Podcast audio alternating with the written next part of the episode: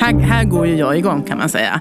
Eh, på, på otroligt många olika plan. Både som vetenskapsperson men som allmän samhällsmedborgare också.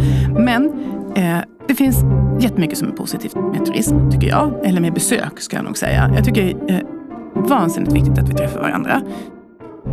I ett stort och tvärvetenskapligt projekt vid Uppsala universitet forskar man om turism och hur man kan skapa hållbara besök. Det gör man genom att studera rörelsemönster och besökarens upplevelser på Gotland. Hållbara besök, vad menas med det egentligen?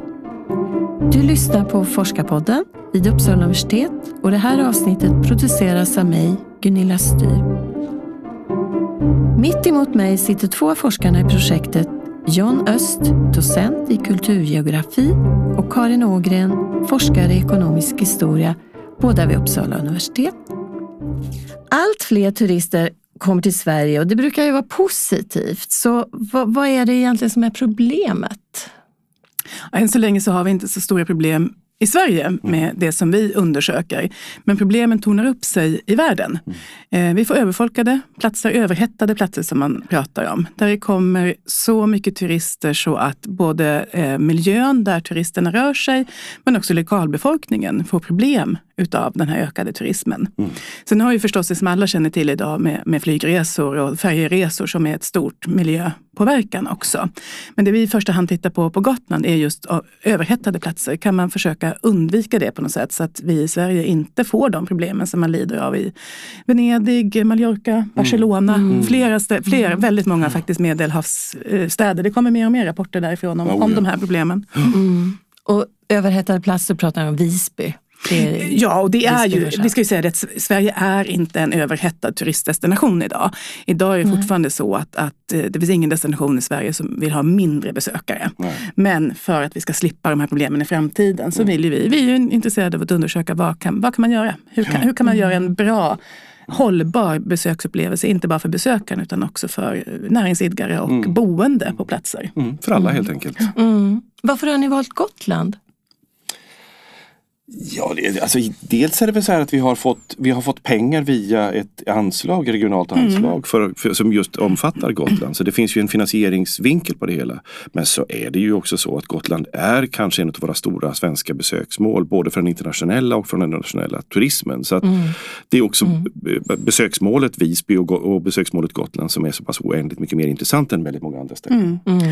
Ja, precis. Eh, när Uppsala universitet och Campus Gotland gick ihop, alltså när Campus Gotland blev en del av Uppsala Precis. universitet, då satsade man ju pengar för att vi skulle kunna göra saker tillsammans med de forskare som fanns på Gotland. Och i den vevan så bestämdes det också att man skulle bygga en ny kryssningskaj. Eh, kryssningstrafiken har alltid varit stort i Gotland, men nu ska man bygga en kaj där man kunde ta emot ännu större fartyg. Ja. Och i den vevan så började jag och projektledaren för projektet Sabine eh, Gebert Persson att eh, studera och gick med i ett nätverk om, om turism, besök på Gotland. Och sen utvidgades det till att vi fick pengar ifrån Tillväxtverket och Region Gotland och då kom John med i projektet också. Ja. Så man kan säga att det här är en... en Det har vuxit. Det har vuxit. Och, och allra först så började med att jag och Sabine gjorde en undersökning om det här i Uppsala 2014 och där föddes en idé. Det här var en himla rolig metod som vi nu utvecklar. Och sen fick det möjlighet att göra det på Gotland och det finns många anledningar som sagt. Oh ja. Att vi blev en gemensam universitet, att det satsades pengar, att Tillväxtverket ville in, att kryssningskajen byggde. Så det finns många anledningar. Ja, precis. Men när blev den här klar, kryssningskajen? Den stod var- klar för ganska precis ett år sedan. Ja. Var i första resan tror jag var 29 april 2017. Ja, Nej, ja, 2018, just det, förlåt, just det. 2018. Egentligen kan man säga säsongen 2018 Ja. egentligen. Så det var då första året som Ja. ni började med det här Ja. Då hade vi fått vi pengar. Mm. från och med 1 mars 2018. Och sen, sen tror jag första eh, fartyget kom 29 april. Och sen började vi vår undersökning då under sommarsäsongen. Och då har vi haft studenter och, och andra som har hjälpt oss att samla in data. Så egentligen från början, ända fram till strax igen där vi ska gå på åt och försöka Ja. se på nästa omgång. Nu kommer nästa, nästa försök från, från oss. Så det är först ett år som ni har fått, som ni har gjort det här Mm. eh, undersökningen. Men hur har ni gått tillväga för att mäta det här då? Antalet besökare och deras upplevelser på Gotland? Mm, vi, har ni- gjort, vi har haft en, tvåstegs, tvåstegsmodell kan man väl säga. Där jag kan berätta om Ja, det gör jag det. kan så kan du berätta om det du kan. Jajamän. Precis. Eller Ja, vi gör så. Ja, tvärsom blir mycket Det sämre. blir jättesämre. Mycket sämre. och det här kommer sig från den idén då som jag och Sabina hade 2014 i Uppsala. Eh, när vi ställde en enkät. Vi gjorde en, började med en enkätstudie utav de besökare som, som rörde sig i Uppsala och den tog vi nu med oss eh, till Gotland med lite bakgrundsfakta. Ålder, var de kommer ifrån, men också då upplevelser. Hur, vad ville de med sin avstigning i Visby. De här kryssningsfartygen far ju runt till massa olika städer. Varför väljer man gav just i Visby? Eh, eller på Gotland ska vi säga. För att vi vill ju också med den här undersökningen få folk att röra sig utanför Visby. Vi vill att hela Gotland ska få ta del av de här besöken. Så det var den enkätundersökningen där vi ställde de här lite bakgrundsfakta, fick lite uppgifter om vad förväntar de sig, vad ville man se, vad hade man för föreställningar om Gotland och varifrån hade man fått de föreställningarna? Kom det ifrån en marknadsföring ifrån turistbolagen på Gotland eller var det ifrån båtarna? Så lite så för att förstå vilken typ av besökare har vi att göra med. Hur Men många, sen- va- förlåt, hur många var det eh, som ni testade? Eller? Ja, det var, nu ska vi se, var det drygt 200 som svarade på drygt 200 enkäten. på enkäten, ja. Mm. Men sen kommer då den, den delen som är mer unik som, som John då kan svara på. Oj, lite det var en fin speciell. presentation. Ja, men enkäter är ju många, men det vi gjorde sen, Ja, det är lite ja. spännande. Eh, Då gjorde vi väl, vi kom upp tror jag till 288 rena GPS-loggers eh, eh, resor. Och, och, då, och då menar jag så här, en del tar man alltid bort. Vad studenterna gjorde det var att de behängde eh, turister som gick med på detta naturligtvis. En De, hängde, de hängde på Ja, dem, ja. GPSer. Ja. Och så bad de helt enkelt att kan ni gå omkring med de här i Visby eller åka omkring med dem på Gotland. Och så finns det en knapp på den här lilla mac- mackapären. va? mackapären. Och då kunde man trycka på den om det var någonting man speciellt gillade. Okej. Så att Ja. de här 288 som jag tror det blev till slut, de åkte Visby runt och Gotland runt och klickade när de önskade. Och varje, vad ska jag säga, meter eller varje tid eller varje, hur länge eller vilken hastighet de befann sig på vilket ställe som helst och registrerades i våra eh, databaser. Och den här typen av information gjorde det möjligt för oss att sen titta på var någonstans man gick, var turisterna var, vilken typ av miljöer de kretsade kring mycket länge, vilken, var man mer eller mindre bara gick igenom snabbt och var man kanske spenderade en längre tid. Och där fick vi också mycket kunskap om, om platser och vistelsemiljöer som vi kanske inte hade fått reda på i, i annat med hjälp av andra metoder. Men de här kryssnings... eh, De åk, eh, resenärerna, åkte de runt på Gotland också? En del åkte med Ja. på bussresor. Jag tror faktiskt att det var så mycket som en tredjedel tror jag var som hade bokat Okej. bussresor innan och de hade vi svårare att nå. Ja. För de gick väldigt ofta direkt till bussen och då liksom hann vi inte med, de hade lite bråttom till bussen. Men vi vet att några stycken hade Ja. med sig GPSer Ja. och så. Så, så bussutflykterna på Gotland var populära och jag vet att det var flera som svarade på enkäten så att vi hade velat åka med men att det var redan fullt. Mm, mm. Sen kan vi på våra enkäter se också att, att de ville också väldigt gärna se Visby. Och, och det här är ju en sån där problematik med kryssningsresenärer, att de är ganska kort på de olika destinationerna. Så att få ut dem på landsbygden, vilket är viktigt för, för landsbygdsekonomin, men ändå få dem att, att vara nöjda med sitt besök, vilket de inte är om de inte hinner se Visby, har, Mm. har visat sig. Det är ju en sån där grej som man måste försöka, ja det måste man ju diskutera. Eh, så. Och det tror jag att vi kan vara med och, och bidra till att se till att den diskussionen sker utifrån våra Ja. resultat. Men om det bara är tre timmar i, Mm, på timmar, Gotland så- kanske? Det Oftast är det lite mer än så. Lite mer kan det Men, vara. Fyra tror jag är som kortast Ah. och som är längst kanske åtta. Nu var det ett år sedan vi tittade Ja, på de här, men, ja. men inte så mycket mer än åtta Men säg timmar. i genomsnitt någonstans 6-7 timmar att de sprang på ön de flesta. Sprang på en. Ja. Ja.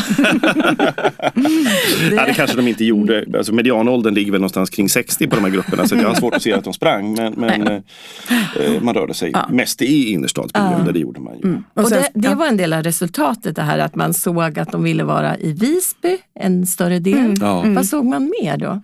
Om man fortsätter med det här med tid så kan man säga att där såg man att det var många som tyckte att det var för kort om tid. Vi var ju också intresserade att veta hur mycket de spenderar, för det är ju en viktig del av den här att när de kommer av på de destinationer de går på, att de faktiskt spenderar pengar där. För det är ju det sättet som de som har öppet sina butiker, alltså som, som man helt enkelt kan tjäna pengar på besökarna. Och det var ju flera som sa att vi hann inte, vi hann inte konsumera någonting. Vi hade velat men vi hann inte. Så det var väl ett sånt resultat som är viktigt för näringsidkarna. Mm. Och ännu mer med anledning av det att många av de här turisterna var inne och gick i Visby innan butiken mm. hade öppnat. Mm. Så det fanns en missmatch mellan vad ska säga, öppettider Aha. och kunskap om när kryssningsturisterna kom dit. Mm, okay. Så att flera kryssningsturister gick på tomma gator. På tidig morgon? Ah, Relativt tidig morgon, från åtta och framåt och så vidare. Medan butikerna kanske öppnade vid tio och då hade, det, Gott då hade de missat ett tåg. Ja. Eller vad man nu önskar. Och det här tycker jag är intressant och svårt.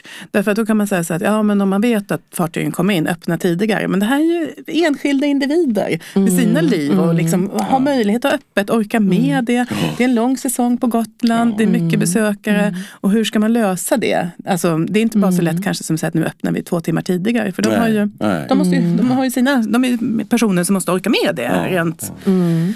Å andra sidan är det här bara säsongsbesökare. För de kommer väl inte hela året runt? Nej, utan det är bara är sommar, är eh, vår kanske. Ja. Men, men, men, men, som eh, turistdestination så är ju det är ju en sommardestination som alla svenska turistdestinationer. Mm. Det finns ju mm. väldigt få som har en vintersäsong. Mm. Utom rena slalomåkare. Så att Sverige är ju ett sommarturist. Mm. Men det är ju även andra än kryssningsresenärerna som kommer. Du har Medeltidsveckan, du har Stockholmsveckan, du har mm. Almedalsveckan. Så det är rätt hårt tryck på de här personerna som idkar handel med besökare mm. under sommaren. Så jag kan förstå att de inte kan jobba 12 timmar om, nej, varje dag under hela sommarveckorna. Så det, ja. Vad var det de gillade mest då?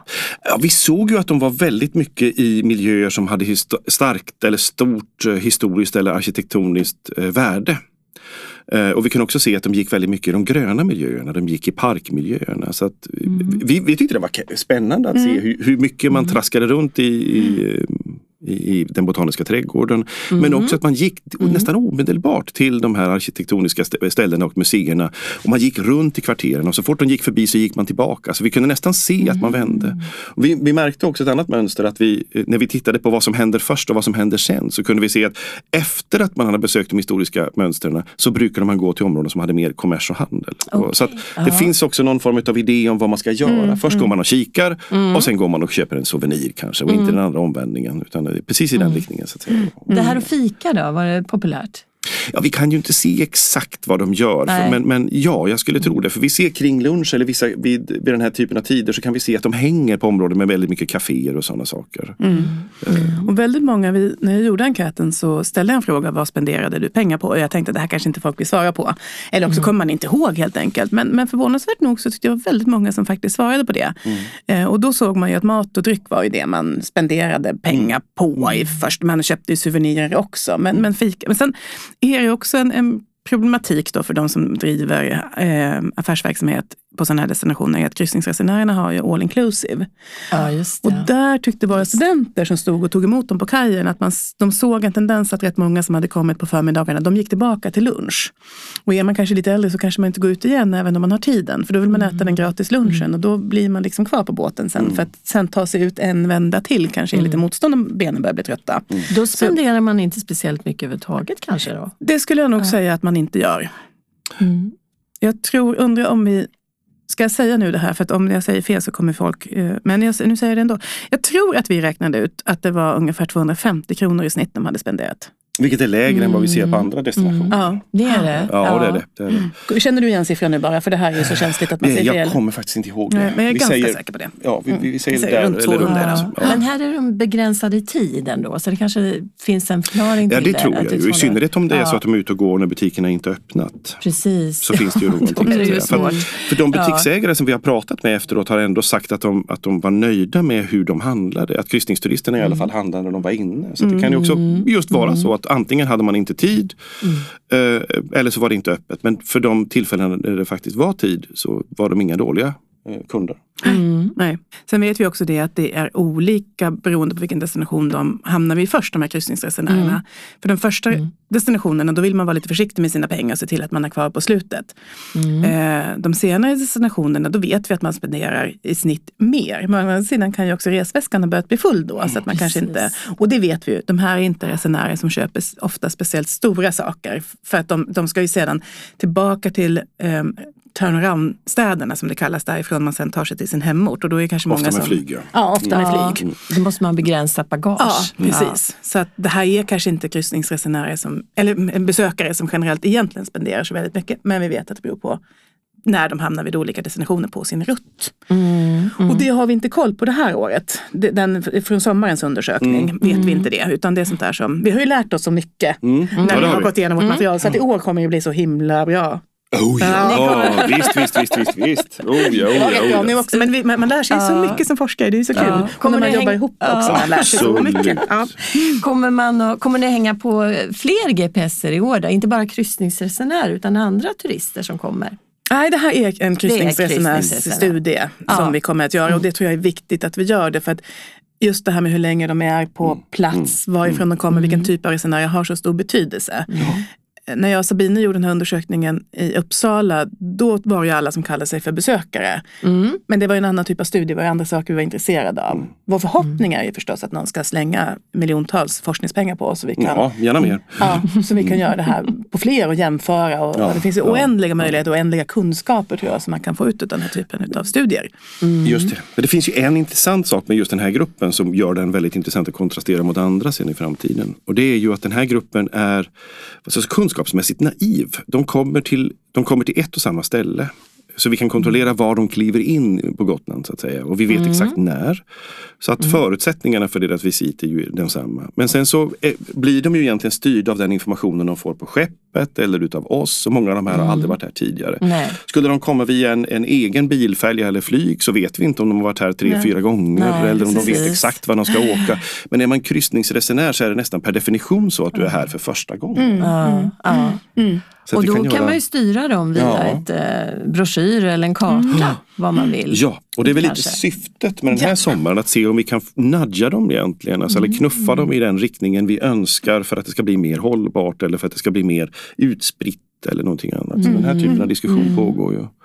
Och det tror vi funkar ganska bra. Vi har sett lite grann hur de skyltar som varit uppsatta i Visby ändå hjälper dem att, ta, att gå de stråk som de är tänkta att göra. Så de går inte spontant. Och det skulle inte jag heller göra. Om jag har ett visst antal timmar så skulle jag lita vet- på de ja, skyltarna som precis. sitter uppsatta. Men skulle man då byta skyltarnas riktning vid, vid, en viss tidpunkt för att antingen säga, dela upp Ja, kunderna ja. eller vad man nu önskar. eller också minska ja. stress, stressen i miljöerna för olika Mm. tidpunkter. Så skulle man nog få med sig 99 procent av alla de här turisterna. I alla fall är det så vi, det ser ut.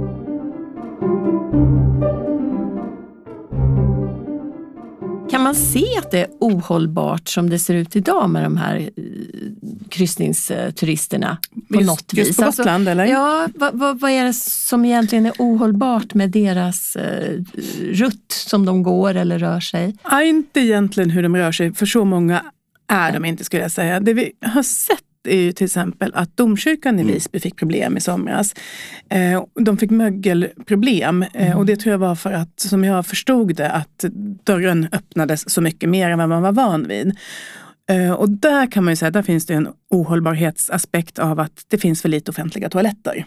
Och en domkyrka då, som, eller en kyrka som är gratis att gå in i, där använder man, som, så som jag har förstått att problem- problemet bestod i, att man använde de offentliga toaletterna där. Och då blev det en ehm, det blev, för, det blev för, för mycket fukt Dörrarna helt in i enkelt. kyrkan var helt Ja. enkelt öppna i princip hela tiden. Ja. Så det är väl en, en sån hållbarhetsgrej som förstås är ett problem. Eh, annars så såg vi till exempel på enkäten att många, många ska inte säga, några besökare var besvikna att de inte fick klättra på ringmuren. Eh, och det hade, om de hade gjort det, det skulle, man säga, det skulle förstås vara ett slitage. Men sådana saker har vi inte förstått att de har gjort. De har varit besvikna att de inte får. Nej. Och fortfarande är det ju så att, att Sverige har inte den anstormningen av besökare så jag skulle säga att slitaget på det sättet. Däremot det som vi vet, och där ligger ju eh, Gotland då i den destination i Sverige som har störst problem med det här, det är ju att Eh, de boende på Visby, i Visby tycker att det blir eh, ohållbart Mm. de stora besöksveckorna.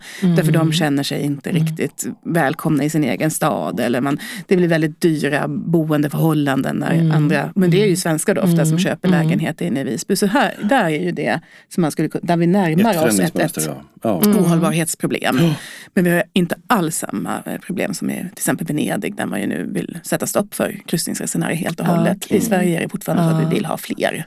Eller vi, besöksnäringen vill ha fler. Precis. Nej, men jag tänker å andra sidan, befolkningen tjänar ju på att det kommer turister. De kan ju hyra ut sina lägenheter, sina hus och det görs ju också ganska hög grad. Så det finns ju en konflikt där kanske mellan dem, att de vill tjäna pengar och samtidigt så vill man eh, ha, inte ha turisterna dit. Mm. Ja, men Just det. Just det. Så är det ju. Så vem, vem är det som tjänar mest på turismen, är min fråga. Um, alltså de enskilda företagen som tjänar mest på turism. Man brukar inom turismforskningen prata om något som heter turistkronan.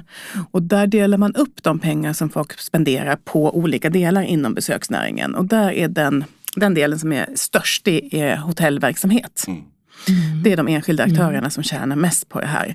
Efter det, shopping har börjat komma högt och vi vet att Sverige ökar som ett shoppingattraktivt land i besöksnäringshänseende. Mm. Många tycker att det är bra shopping här. Vi har handikappanpassade eh, vad heter det, varuhus, mm. mm. galleri. Varuhus, Lätt att ta sig fram och jättegammalt ord. Jag tror vi ska säga gallerior om vi ska försöka vara lite yngre och modernare. Mm. Eh, och bra öppettider. Fast de börjar stängas ner de också. Ja, de gör det. Men ett sekulariserat samhälle som inte stängt på söndagar. Jättebra liksom, för besöksnäringen. Eh, sen har vi ju ja, transport, restauranger tjänar också mycket. De som vi tänker på som turistmål, alltså museum, eh, den typen av besöksmål, det är de som tjänar minst på det här. Mm. Så det är det. Sen, sen så eh, är, det ju väldigt, väldigt svårt. Jag är ekonomhistoriker och har försökt förstå just den ekonomiska ekonomiska biten Precis, av turismen. Ja. Och det får jag brottas med, för det här räknar man ut med något som heter satelliträkenskaper. Det är ju massa olika näringar som är inne och så tar man lite pengar här och där. Eh, så att det, det, är en svår fråga. Mm. Mm. Men i det här projektet samarbetar ni också med Region Näringsliv på Gotland. Och eh, vad, vad vill de här aktörerna utav den här forskningen? Eh, de vill ju egentligen eh, vad ska jag säga, öka eh, hållbarheten men också vad ska jag säga, ekonomiska vinningen för de som är inblandade. Så det är egentligen väldigt likt det som har varit projektets mål. Att att se till att vi kan öka tillväxten på Gotland men göra det på ett hållbart sätt för både de som arbetar och de som besöker. Alla ska bli glada. Mm. Det låter väl som nästan en, en, en naiv och lite lycklig vad ska jag säga, ingång i det hela men jag tror ja. att det är egentligen det som regionens vad ska säga, ingång också är. Jag kan tänka mig att de är positiva till det här projektet också. Oh ja, oh ja, och vi har nog kommit med en hel del nya oh. kunskaper som många av de här mm. inte hade tänkt på tidigare. Som... Var man besöker och vilka tider och missmatcher hit och dit och fram och mm. tillbaka och hur man uttrycker sig och vilka grupper. Och, och mm, mm. Sen kan ju näringsidkarna vad ska jag säga, göra vad de vill med informationen mm. men bara kunskapen om det mm. gör ju det mm. hela mm. möjligt. så att säga. Mm. Ja, nej, men absolut, vi har fått jättemycket bra respons ifrån och väldigt mycket uppmärksamhet ifrån eh, både näringsidkare och media på Gotland. Så det är jättekul att de gillar det vi gör. Eh, för vi är faktiskt, inga av oss är ju faktiskt forskare på Gotland. Så det har ju känts att ah, det hade varit kul att ha någon som var på mm. Gotland. Nu blev det inte så. Mm. Men, så det är ju mm. jätteroligt att vi får den här responsen och ja. respekten och ja. möjligheten att prata och öppenheten. Så det tycker vi. Det har varit mm. superkul. Mm. Ja, verkligen. Ska vi ta en paus? kan vi göra. Ja.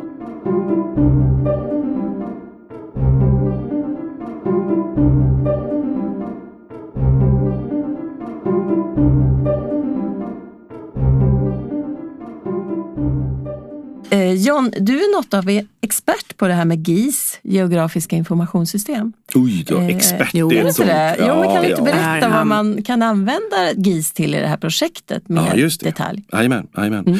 Alltså GIS för det första är ett väldigt brett fenomen. Alltså, geografiska informationssystem eh, är, är allting som egentligen handlar om att visualisera eller analysera rumsliga data. Och, och, det kan ju vara allt ifrån vad ska säga, förhållandet mellan olika platser eller eh, människor i dem eller hur man rör sig. Och just de här GPS-loggarna, när vi ser hur de har gått så kan vi ju dels sätta dem i relation till varandra. Vi kan se om den ena människan efter den andra går på ungefär samma ställe. Mm. Vilken hastighet de har på vissa, vissa platser. Men också vilka vilka vad säga, objekt som finns i omgivningen. Eller vilka utsiktspunkter eller besöksmål finns det? Och då kan man vad ska säga, länka samman den här så att vi vet hur länge man stannar eller hur snabbt man rör sig på platser med vissa mm. egenskaper. Och hur länge man sitter om det är mycket kaféer och restauranger. Och så kan man då i efterhand göra en, en statistisk analys eller plocka upp um, alltså vända sig om och titta på hur det ser ut på bilder. Vi har faktiskt gjort så att vi i den här studien har gjort ett väldigt, eh, vad ska jag säga, 50 meters rutor och eh, gjort 360 graders bilder på var en av de här rutorna. Det var ett Sisyfosarbete ska jag tala om. Oh, så att vi i detalj kan beskriva varenda 50 meters ruta i hela Visby eh, med, medeltida området och lite utanför. För att se och upp, förstå vad det är för någonting de här personerna upplever som är där.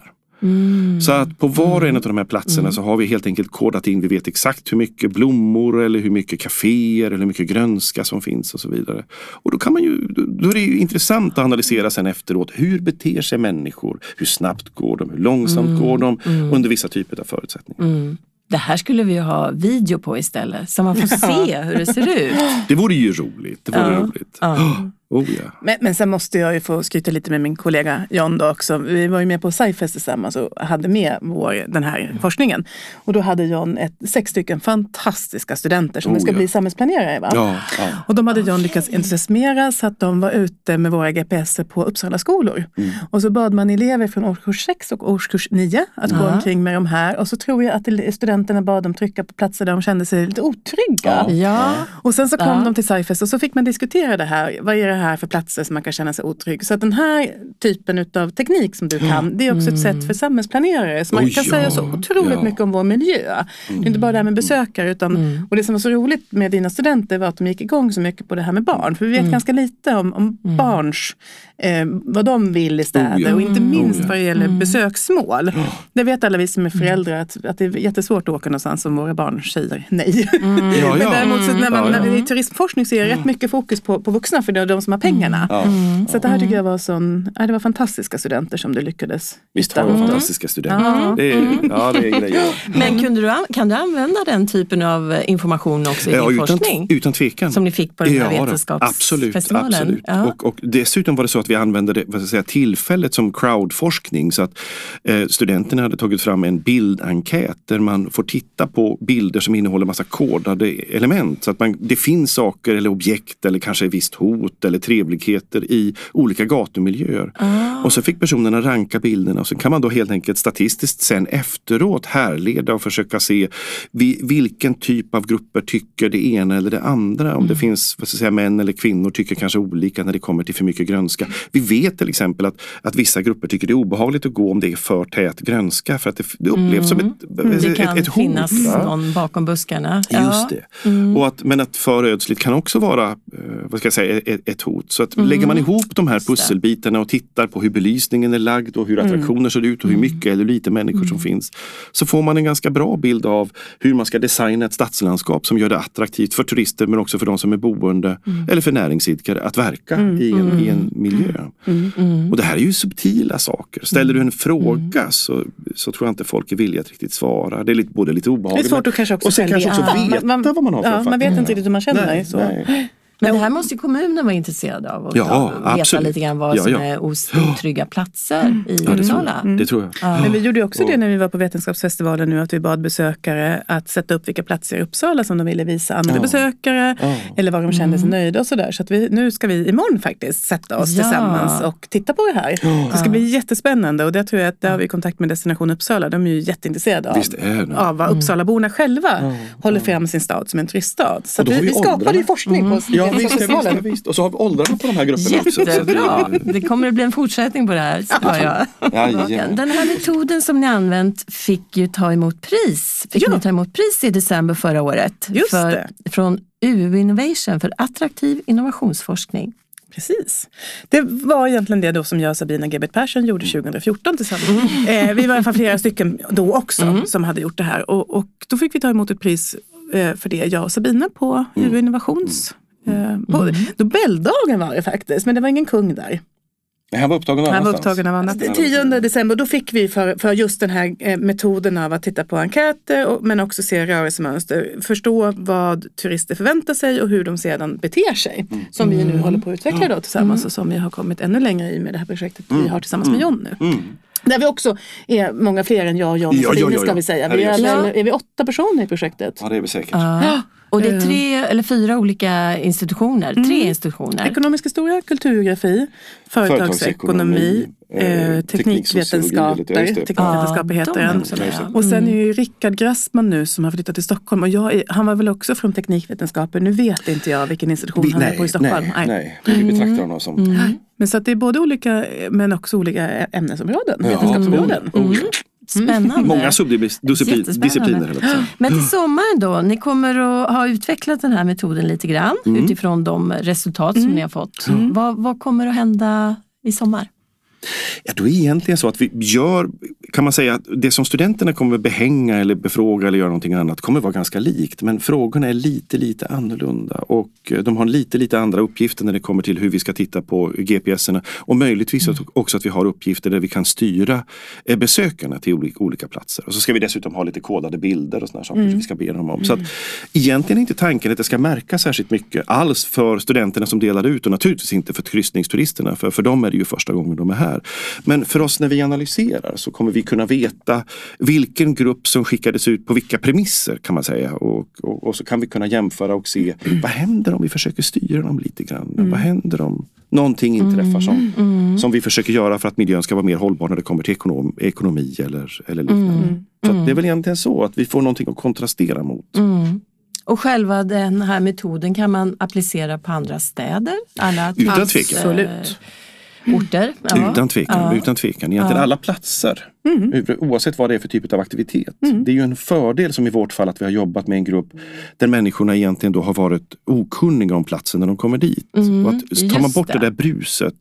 För är det så, man kan inte gå ner på centralstation en, en, klockan fem på en torsdag och fråga folk för då har vi ju majoriteten naturligtvis lokala Uppsalabor eller något i den stilen mm. om hur Uppsala ser ut. Mm. att hitta grupperna eller hitta där, där man helt enkelt kliver in för första gången och försöker söka information. Det är det som är mm. intressant. Tror jag. Mm. Mm. Mm.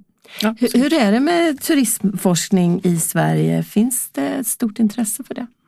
Ja, det skulle jag säga. Det är en, en, jag vet inte om man ska kalla det för vetenskap för att det kanske inte är ett eget ämne, precis som det inte är en egen näring, utan det är väl ett ämne som består av flera olika saker. Mm. Men det är ju någonting som växer och vi har ju inte minst många av de mindre högskolorna i Sverige har ju sedan flera år tillbaka haft turismutbildningar. Mm. Mm. Eh, nu är det lite svårt eftersom vetenskapen, om vi nu ska kalla det vetenskap, är så pass ny. Så jag vet att de har fått en hel del kritik från universitetskanslerämbetet för sin utbildning. Men absolut, det är ett, ett, område som jag tror växer mer och mer och jag tror också, eller är ganska säker på att i och med de nya eh, hoten nu, inte bara ifrån de stora flygmaskinerna utan också det som sker i Venedig med för mm. mycket mm. folk, att det här är, finns stort intresse för för eh, den här typen av frågor. Ja. Nej men eh, mer bara en, en sista mening om varför det eh, är så intressant med turism forskning, varför det, varför det ska göras. Nödvändigt. Ja, oj, men det är ju en jätte, jättelång fråga. här, här går ju jag igång kan man säga. Eh, på, på otroligt många olika plan, både som vetenskapsperson men som allmän samhällsmedborgare också. Men eh, det finns jättemycket som är positivt med turism, tycker jag. Eller med besök, ska jag nog säga. Jag tycker eh, vansinnigt viktigt att vi träffar varandra. Jag är ju personligen lite rädd för den utökande flygskammen bland oss vetenskapspersoner. Jag mm. hör att det finns folk som inte längre vill flyga över Atlanten för att träffa sina kollegor. All heder på ett sätt åt det, men samtidigt att inte möta varandra. Mm. Vi vet efter andra världskriget med Marshallhjälpen så var inte den bara för att bygga upp eh, urartade städer utan den lades också på turismen. Lär vi känna varandra så finns det kanske lite lite större chans att vi inte dödar varandra. Mm. Att mm. träffa, lära känna andra kulturer, det är mm. någonting som jag vurmar jättestarkt för. Mm. Sen finns det stora problem med turismnäringen. Eh, det är inte hela jordens befolkning som förstås kan hålla på med det här. Du behöver ha pengar, du behöver ha fritid. Det är en ojämlik sport, mm. så att säga. Ehm, så, det finns problemet med att du gör så starka avtryck i ditt resande, i ditt i dina resmål. Många som turistar idag möter ju inte den lokalbefolkningen på det sättet som jag nu romantiserar om, utan man kanske lägger in sig på ett all inclusive hotell mm, och mm. Eh, de som äger marken får inte en spänn ifrån det för det är internationella bolag och så. Så det här är ju så men det finns så, så otroligt mycket. Det, det, är verkligen både svart och vitt med det här. Det är nästan ingenting som är grått kan jag tycka mm, i turismen. Nej, och det gör att jag tycker det är så oerhört intressant att titta på.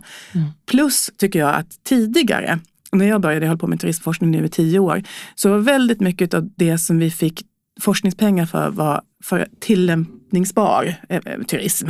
Hur ska mm. vi få mer, mer turister? turister? Hur ska mm. fler mm. människor hitta till backarna i Åre och sådär? Men ehm, mm. eh, det som jag tycker nu är att om vi också kan få pengar för att faktiskt titta på avigsidorna mm. och mm. förstå att de finns, men att avigsidorna förhoppningsvis kan att, att det finns positiva saker också. Att vi, att vi har möjlighet att se båda sidorna utav det. Ja. Det tycker jag ju. Och det tycker väl vi som forskare alltid är det som vi måste försöka. Sen har vi arbetsmiljöproblem vad gäller turism också. Lågavlönade människor som bara är säsongsanställda. Det finns så mycket ojämlikheter. Samtidigt som det här är människor som kanske kommer in på arbetsmarknaden också. Så du har båda sidorna där också. Du har båda Oh ja. sidorna på Oh alla, ja. på alla sätt inom turism. Och så det, sen, sen är ju detta en ekonomi som också växer. Alltså, sett över längre tidsperiod så är ju detta en, en, en alltså vi kan inte negligera den på det sättet heller. Så att säga. Det här är en industri som varje år växer med flera procent. Ju rikare vi blir och bättre ställt vi får, desto mer turism kanske Ja. man kan säga. Ja, Ja, det skulle man absolut kunna ökar ju säga. upple och upplevelsebehovet, Ja, ja, nya upplevelser. Och sen möjligheten att styra eller påverka hur, hur vi alltså tänker kring turism eh, och så vidare. Ja, ja. ja men så är det ju. Alltså den här stora turismen har ju skett efter andra världskriget när folk fick mer pengar, mer tid. Men där har vi också tekniken, att vi fick fly- flygplan som gjorde att vi lättare kunde ta oss. Men hittills har ju turismen ökat för varje år. Tittar man i liksom omsättningen. Vi får väl se, nu vet vi att flyg, flygningen minskar. Så vi får väl se. Du har lyssnat på Forskarpodden med forskarna John Öst och Karin Ågren vid Uppsala universitet. Följ oss på iTunes eller i andra poddläsare. Kontakta oss gärna via sociala medier på hashtag forskarpodden eller på universitetets webbsida uu.se forskarpodden. Jag heter Gunilla Styr. Forskarpodden produceras av Uppsala universitet med musik av Marcus Sjöblom